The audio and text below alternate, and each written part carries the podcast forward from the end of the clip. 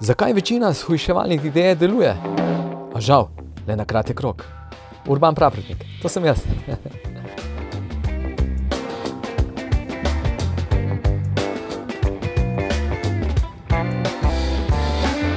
Sedim na robu postelje, predklonjen se gledam v nekoliko izrazitejšo trebušno gubo. Kaj mi je res tega treba? Kaj naj naredim?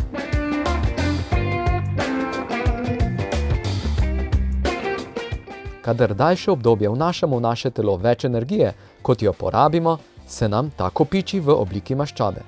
Za odraslega je zdrav odstotek maščobe med 14 in 24 odstotki telesne teže. Moški, ki ima zdravo telesno težo 75 kg, ima v sebi med 10 in 18 kg maščobe. Če smo na zgornji meji zdrave telesne teže, imamo torej kar 8 kg čiste energetske rezerve. Kar v bistvu pomeni, da smo energetsko preskrbljeni za kar 24 dni. Lepa popotnica, kaj ne?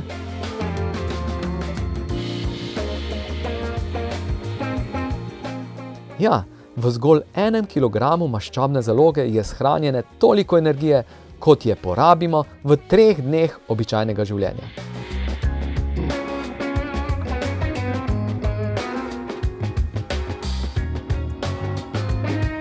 Angus Berby je bil izjemno obilen 27-letni moški. Običajna tehnica ga ni mogla stehtati. Imel je kar 214 kg.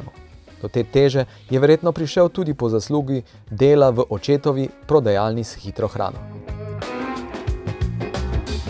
Še tako hitra hrana očitno ni bila dovolj hitra, da bi mu šla. Zdravnik mu je leta 1965 svetoval, da naj poskusi s krajšim postom. Poskusil je in teža je pričela padati.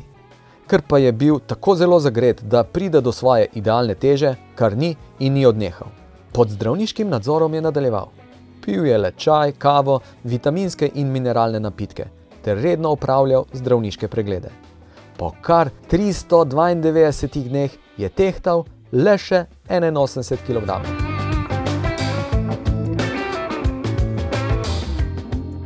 V tem letu in polovici meseca je izgubil kar 133 kg.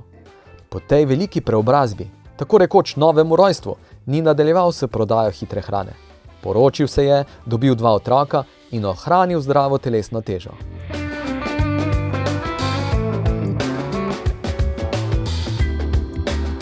Angus nam je pokazal, da se da, če se hoče.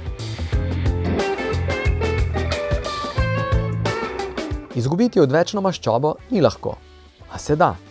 Težko je trajnostno ohraniti zdravo težo, a se da.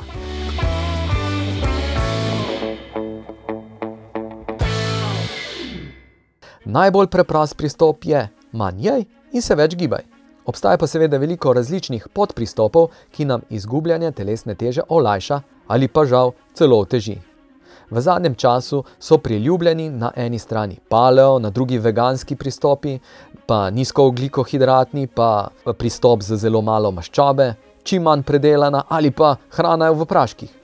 Potem pride na vrsto še postenje z različnimi trajanji ali pa zelo pogosti mali obroki.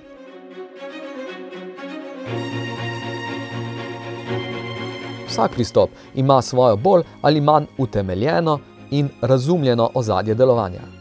Prav vsi delujejo, če na dolgi rok resnično vnesemo v naše telo manj energije in je več porabimo. Pri tem pa bomo seveda bistveno bolj učinkoviti, če jemo na način, da čim manj burno in pogosto dvigujemo inzulin. To je hormon shranjevanja energije.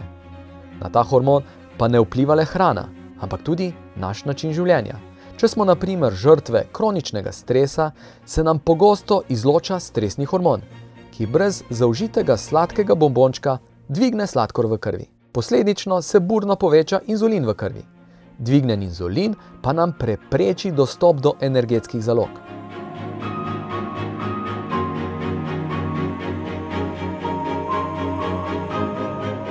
To je tako, kot da imamo v sefu denar.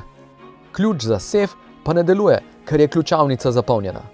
Učinkovito bomo torej hujšali, če bomo imeli čim več časa dovolj nizek inzulin.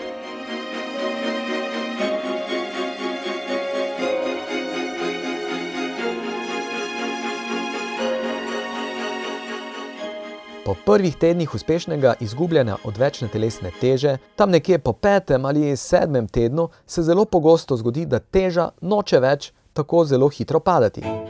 Pred nami je nova uganka. Zakaj se to zgodi? Ali nismo več tako dosledni, ali pa je v zadju nekaj drugega? Kaj je to drugo? Ko smo dlje časa v energetskem primankljaju, kar seveda moramo biti, da porabljamo maščobne zaloge, se naše telo želi zaščititi. Zato prične dodatno vrčevati. Kako?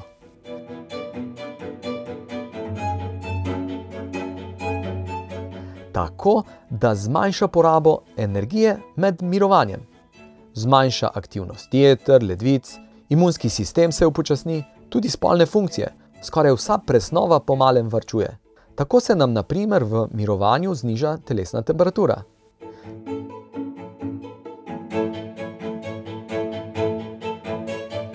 Pri tem vrčevanju je naše telo tako spretno, da lahko zmanjša dnevno porabo energije za kar 2500 kJ, kar je 600 kilokalorij. Ja, dobro ste slišali. Privrčuje toliko energije, kot je sicer porabimo med enournim lahkotnim tekom ali dobrih dveh urah hoje.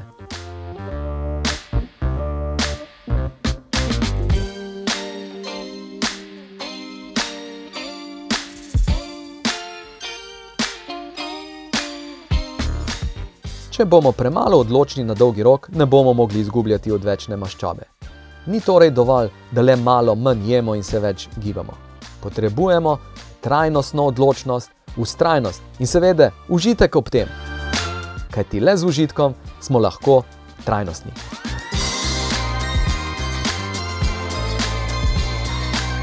Zdaj smo pa še pri tretji prepreki.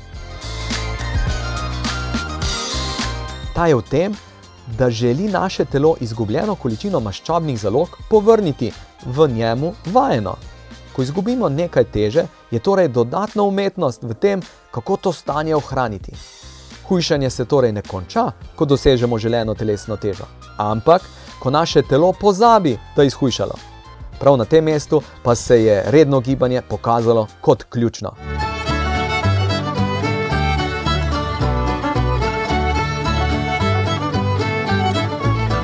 Zgubiti odvečno telesno težo in jo potem tudi ohranjati je velik podvig, ki pa je lažje dosegljiv, če se zavedamo preprek in se na njih čim bolje pripravimo. Na to pot se ne podajmo sami. Hrana je zelo družabna reč. Naj nam bližnji stojijo ob strani, še bolje pa, če tudi oni stopijo z nami. Srečno!